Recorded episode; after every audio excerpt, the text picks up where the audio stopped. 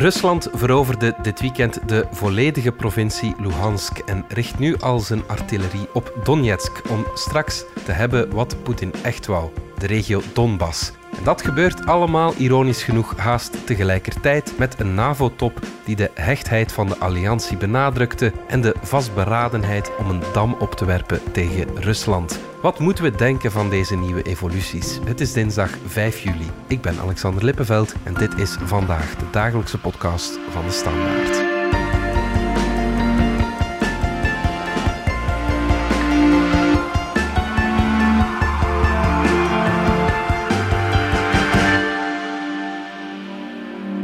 En mag ik jullie nu al warm maken voor de nieuwe podcastreeks Mijn Schuld, die we samen met het Nederlandse NRC maakten. Want Iedereen heeft wel eens met zijn geweten geworsteld. Iedereen kent het pijnlijke gevoel wanneer je ja, beseft dat je verkeerd gehandeld hebt. Maar er bestaat ook schuld die ondraaglijk is. Hoe is het als je schuld echt schade heeft berokkend bij een ander? En hoe accepteer je het onomkeerbare? U vindt de podcast Mijn Schuld vanaf woensdag in onze podcast-app. Dominic Minten van onze buitenlandredactie. Sinds uh, zondag heeft Rusland de volledige provincie Luhansk onder uh, controle. Is dit nu een belangrijke zegen voor Poetin? Ja, ik vind wel dat je dat een belangrijke zegen mag noemen. Het is zeker uh, psychologisch een belangrijke zegen, mhm. omdat hij nu de hele provincie Luhansk in handen heeft. Mhm. Dat heeft hij altijd gewild. Hè. Samen met de, de, provincie Donetsk vormen zij samen de Donbass. En dit is toch wel een eerste stap. Ja. Eigenlijk kan je zeggen, hij heeft de helft van de Donbass nu in handen. Alhoewel de Donetsk-regio net iets groter is dan Luhansk. Ja, Dit is belangrijk. De verdediging van de Oekraïners heeft lang stand gehouden, mhm. eh, meer dan twee maanden. Het geeft ook aan dat de Oekraïners tot elke prijs wilden voorkomen dat die steden, hè, de Severodonetsk en nu Lysychansk, mhm. dat die in handen van Rusland vielen. En uh, dat is niet gelukt. Dus de Russen hebben die slag thuis gehaald. Ja, ja, en ligt de zege zeg maar in Donetsk, eh, die, die andere provincie, ligt die dan ook binnen handbereik? Dat is weer een goede vraag. Ik denk niet dat dat binnen de eerste twee weken gaat gebeuren. Mhm. Dat gaat langer duren. Ook al omdat die Donetsk-provincie nog groter is dan, dan Luhansk. Er moeten nog meer steden veroverd worden, meer terrein mhm. gewonnen worden. Dus nee, dat is niet evident. Nee, oké. ja. Er waren de laatste weken wel wat berichten over de gebrekkige slagkracht van de Russen en dat ze ja, vooral stilaan op hun tandvlees zitten. Hè. Waren die dan voorbarig, die berichten? Wel, die berichten kloppen voor een deel. Eh, we weten eigenlijk niet hoeveel, hoeveel uh, manschappen en hoeveel materieel uh, de Russen nu echt verloren hebben. Hmm. Dat moet aanzienlijk zijn. Uh, dat kan niet anders. ze hebben er dus ook, zoals ik net zei, lang over gedaan. Meer dan twee maanden om, om die, heel die provincie binnen te halen. Dus het zijn echt wel heel uitputtende gevechten geweest. Hmm. Maar ook de Oekraïners hebben massale verliezen geleden. Ja. Ook daar weten we nooit precies van hoeveel doden er gevallen zijn, hoeveel materieel ze kwijt zijn.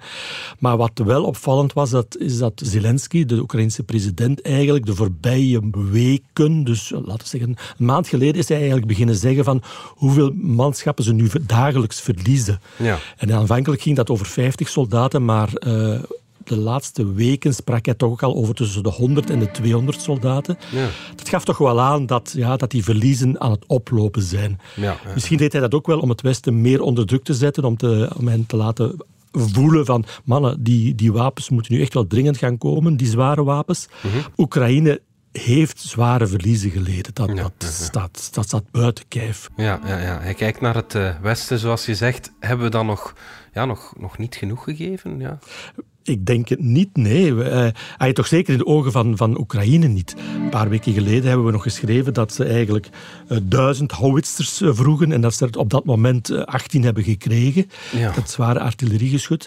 Ondertussen hebben de Amerikanen, de Britten, maar ook zelfs de Fransen wel meer zwaar antitankgeschut en raketgeschut naar Oekraïne gebracht. Mm Als die allemaal in stelling waren gebracht, dan hadden ze waarschijnlijk uh, Severodonetsk niet moeten opgeven. Dus het komt nog altijd met vertraging. Dus, uh, ja, ja. En wat je ook wel ziet, is de analisten ik las deze week, eh, of dit weekend nog een artikel in de Washington Post, waarin voor het eerst werd gezegd van, zijn onze analisten, dus de, vooral de Amerikaanse analisten, stellen die de, de zaken niet iets te rooskleurig voor voor de Oekraïners. Ja. In de zin van, uh, ja, die Oekraïners zouden toch blijven heel goed stand houden, terwijl de Russen zoveel verliezen leiden. Misschien moeten we dat beeld ook een klein beetje beginnen bijstellen. Ik vond het wel opvallend dat voor het eerst dat soort artikels nu ook verschenen in, in, in Amerikaanse kranten. Ja, ja, ja. ja, de Amerikanen zijn en blijven samen met de Britten de grootste leveranciers van wapens aan, aan, aan Oekraïne. Hè. Dus, ja. En dan de vraag is van, ja, uh, zijn die wapens wel voldoende? Dus voor het eerst wordt aangegeven dat het heel moeilijk begint te worden voor Oekraïne. Een paar weken geleden was er een uh, ja, belangrijk Oekraïns tegenoffensief rond uh, Kiev en, en Kharkov ook, in het noorden van het land. Kunnen de Oekraïners vandaag nog ergens meer tegengas geven? Het enige wat je ziet is, uh, want in Kharkov zie je dat de Russen terug proberen terug te slaan. Ja, ja, dus dat is een beetje gestopt. Maar enfin, daar hebben de Oekraïners wel zeker. Dat die tweede stad is, eh, die hebben ze wel terug in handen. Dat is, dat is duidelijk. Waar je wel ziet, wat ze proberen te doen, is in het zuiden van het land, rond Gerson. Uh, dat is de eerste grote stad die de, de Russen in handen hebben gekregen. Mm. Die ligt daar redelijk strategisch. Als de Russen willen oprukken naar Odessa, ja. dan moeten ze dus voorbij Gerson naar Mykolaiv. Uh, daar proberen de Oekraïners wel degelijk tegenstoten te doen.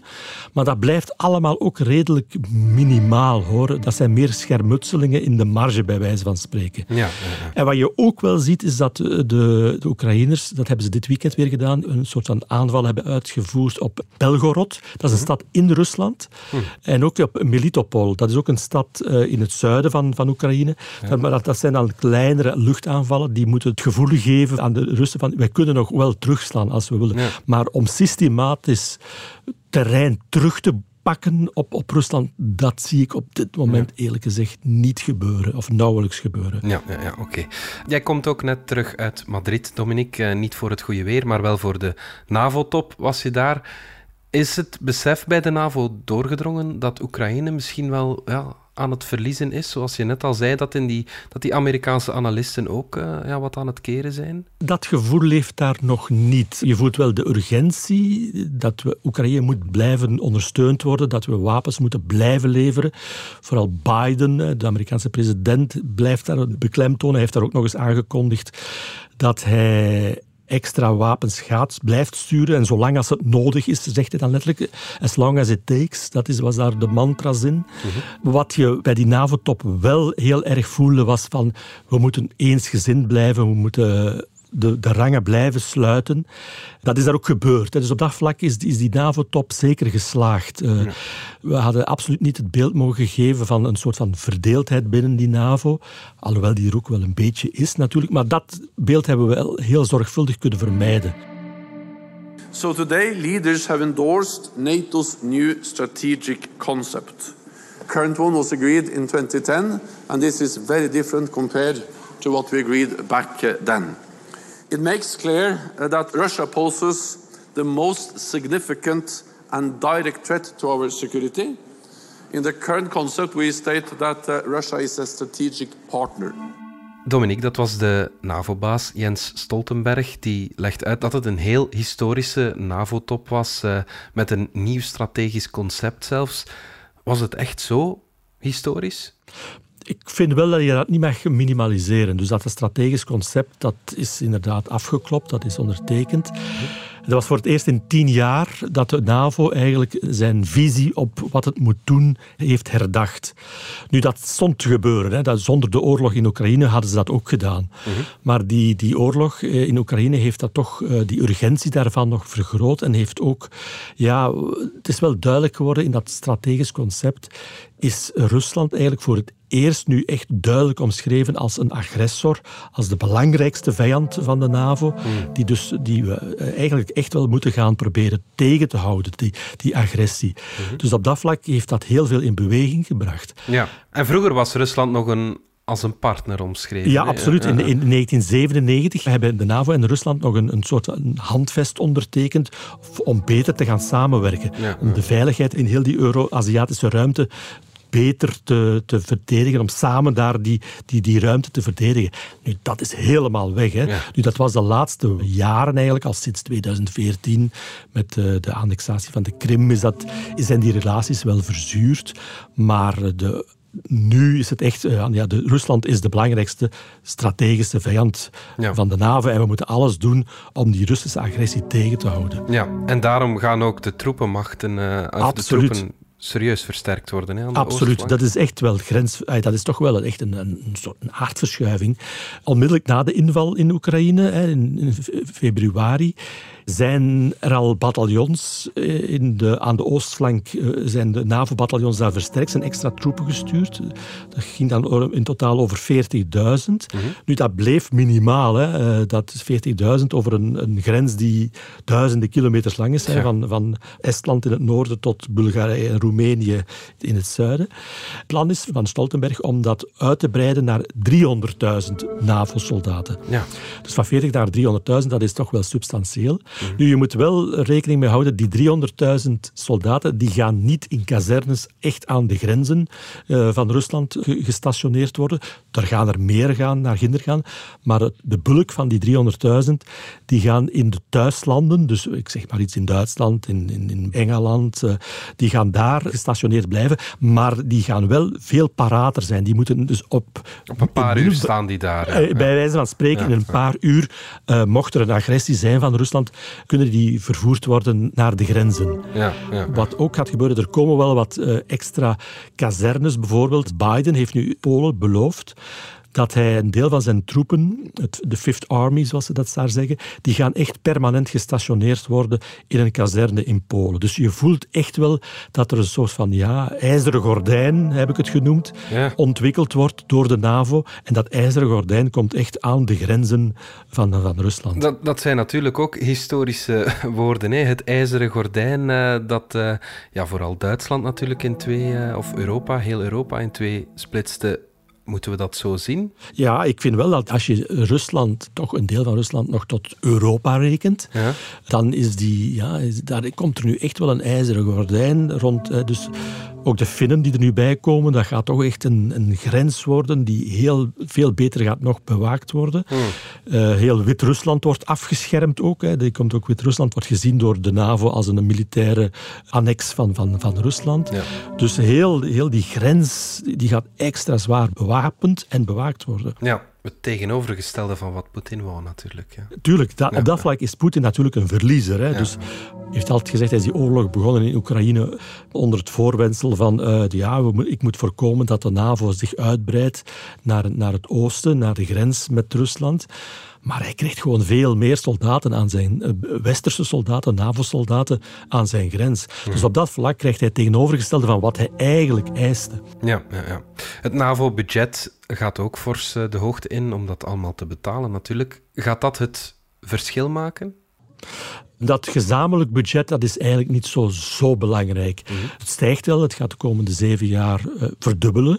Dus dat maakt dat, uh, dat er meer uh, mogelijkheden zijn. Maar wat eigenlijk nog belangrijker is, is dat, is dat al die NAVO-bondgenoten, die 30, als Finland en Zweden definitief erbij komen, 32, dat die echt wel inspanningen gaan doen om hun, hun nationale militaire budgetten op te trekken. Ja. dat die fameuze 2%, waar al jaren over gebakkeleid wordt die worden nu eigenlijk bijna door alle lidstaten, of alle leden, hebben nu de belofte gedaan dat die gaan de komende jaren echt gaan opgetrokken worden richting 2%, naar 2% en zelfs erover.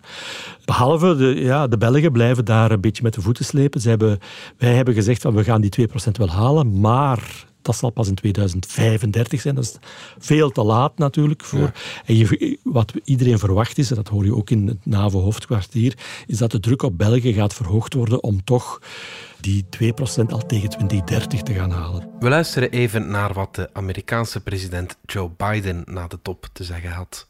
This summit was about strengthening our alliance, meeting the challenges of our world as it is today, and the threats we're going to face in the future. The last time NATO drafted a new mission statement was 12 years ago. At that time, it characterized Russia as a partner, and it didn't even mention China. The world has changed, changed a great deal since then, and NATO is changing as well. Ja, historisch vond Biden het, uh, Dominique. Hoe groot was de rol van de Amerikaanse president tijdens die NAVO-top? Ik kan veel over Joe Biden zeggen, maar de rol die hij gespeeld heeft in het voorspellen van die oorlog en ook eh, in samenbrengen, het steun aan Oekraïne en, en het samenbrengen van de NAVO terug, dat is toch wel uh, heel goed gedaan, vind ik. Ja, uh, dus zijn dat, en, dat uh, die buitenlandse ja, politiek. Dus hij, ja. Die politi ja, dus hij is inderdaad een specialist buitenland altijd geweest en dat, is echt, dat voel je nu wel. -hmm. Dus ik, ik, vond ook dat hij op die NAVO-top, zeker op die slotpersconferentie die hij daar gaf, was hij heel strijdvaardig en energiek zelfs bij wijze van... Dus, dus nee, dat, dat heeft hij goed gedaan. We gaan er even uit voor een korte boodschap. Psst. hey, luisteraar. Ik wil u niet storen hoor. Nee, in tegendeel. Ik wil gewoon even zeggen dat ik heel blij ben dat jij een momentje voor jezelf neemt. Ma, ik ben thuis hè. Het leven is al druk genoeg soms. Wat gaan we eten? Ja, schatje, ik kom ze bied. Ik moet eerst nog even iets afwerken. Oké. Zeg, iedereen verdient een momentje voor zichzelf. En net zoals dat jij van je podcast geniet, geniet ik om even verder te werken aan mijn Lego-bouwwerk. Misschien ook iets voor jou? Zoek even op Lego-sets voor volwassenen. Dominique, ik was nog niet uh, geboren tijdens uh, de Koude Oorlog, maar die dingen, die, dat, dat doet daar allemaal wel herinneringen aan opwerpen. Het ijzeren gordijn, zeg je, die, ja, die wapenwetloop. Is die Koude Oorlog nu echt uh, terug? Die is zeker terug en die is eh, meer dan ooit terug. Hè. Dus eh, de Koude Oorlog was, was koud in de zin van alles was stabiel. Iedereen zat verschanst achter zijn grenzen. Er was wel inderdaad uh, die wapenwetloop, die bestond wel degelijk. Hè. Er werd heel veel geïnvesteerd ook in nucleaire afschrikking. Maar nu, de wapenindustrie doet het eh, heel goed, wrijft zich in de handen. Het grote verschil is dat, dat er echt wel een oorlog bezig is op het Europese vasteland. Ja. Die oorlog in Oekraïne, en die was er in de, in de Koude Oorlog niet. Ja, toen waren die oorlogen ja, toch wel ver weg van de... Ver, waren veel ja, ver, van de verder weg. Dan, ja. ja, absoluut. Toen eh, werd er in Korea wel gevochten en in Vietnam, maar niet op het Europese vasteland. En dat hm. is echt wel uh, helemaal anders in vergelijking met de jaren 70 en uh, 80. Vanuit mijn perspectief is deze NAVO-top absoluut een, uh, een succes uh, geweest. Al blijft het natuurlijk een beetje vreemd om te spreken over een succes terwijl je terzelfde tijd op het Europese continent een oorlog hebt. Laat het duidelijk zijn, deze oorlog hangt toch wel als een stuk schaduw over deze top. Maar dat brengt mij eigenlijk bij de, bij de essentie. Uh, de NAVO die is er om België, om Europa te vrijwaren, te beschermen tegen een Russische agressie die vandaag zeer reëel geworden is. En we zien het jammer genoeg elke dag in Oekraïne. Het, uh, het intimideren, het uh, bedreigen, het aanvallen van andere landen, dat staat niet in het playbook van de NAVO. Het staat jammer genoeg wel in het playbook van, uh, van Poetin, zoals we in Oekraïne hebben kunnen zien. Een succes, zegt de Kro. En jij schreef ook over de, over de sfeer dat iedereen goed gemutst was, zeg maar. Geloven ze dat Poetin nog te stoppen is? Goh, ik denk, dat hopen ze toch. Wat je heel erg hoort is, uh, dat zegt iedereen, ook de Kro beklemtonen dat telkens opnieuw.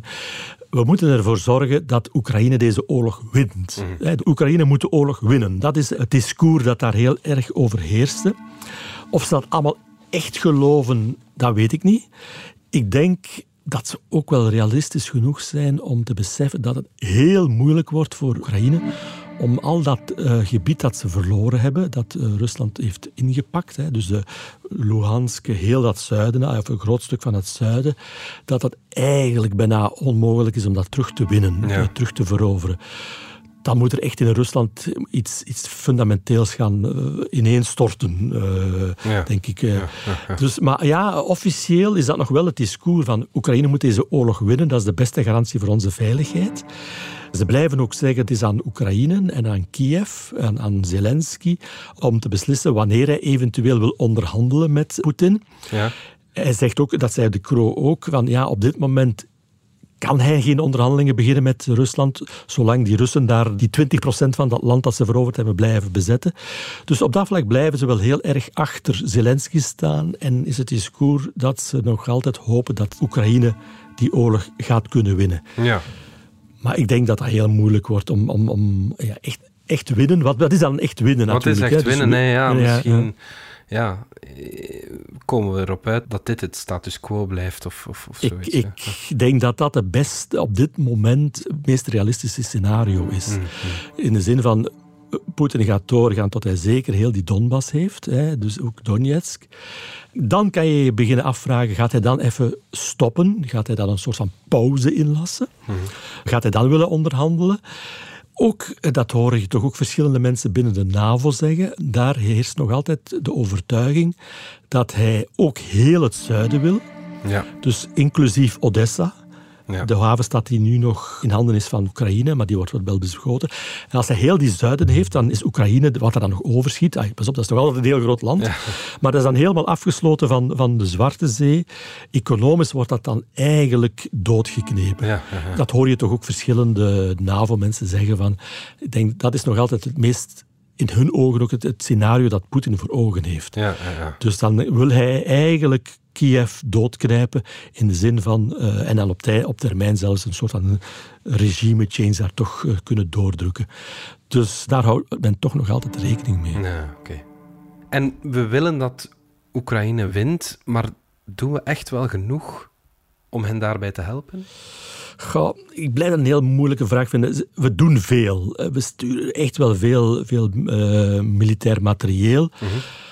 Maar ik denk dat het niet genoeg is, dat het ook wat te traag gaat. De Oekraïners alleen moeten vechten. Hè. Dus we gaan nooit, dat zal echt niet gebeuren, en, en steunen met manschappen. Dat gaan we echt niet doen.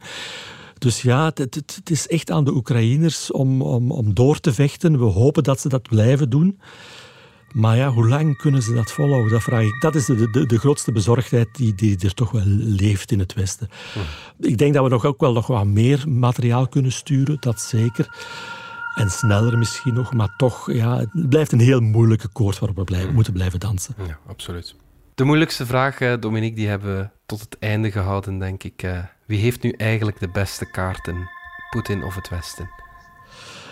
Ik denk op kortere en misschien iets middellangere termijn heeft Poetin de beste kaarten. Ik zeg het, hij heeft dat gebied stevig in handen voorlopig. Op langere termijn weet ik het niet. Ik zie nog altijd niet goed in hoe dat Rusland heel dat eh, gebied, heel, eh, of zelfs heel Oekraïne, permanent eh, onder controle kan houden. Dat kunnen ze niet. Dat, dan gaat er een soort van burgeroorlog ontstaan met constant aanslagen. Dus op dat vlak ja, zie ik niet goed in hoe dat Rusland heel Oekraïne onder controle kan houden. Dus op lange termijn verliest hij dat. Maar ik zeg het op kortere en iets middellangere termijn vind ik dat hij eigenlijk op dit moment de betere kaarten heeft. En wat je ook niet mag onderschatten is, hij blijft ons ook het Westen pijn doen. Hè, met dat gaswapen Ja. dat steeds efficiënter wordt. En dat tegen de winter, eh, ja, zelfs in het najaar al, nog meer gaat wegen. En dat toch ook voor spanningen gaat zorgen in Europa. Ja. Dat mag je echt niet onderschatten. Oké, goed. Dominique Minten, dankjewel. Graag gedaan. Dit was vandaag de dagelijkse podcast van de Standaard. Bedankt voor het luisteren. Download onze app DS Podcast of volg ons op Spotify, Apple Podcast of eender welk ander podcastplatform. Alle credits van de podcast die je net hoorde vind je op standaard.be-podcast. Reageren kan via podcast.standaard.be. Morgen zijn we opnieuw.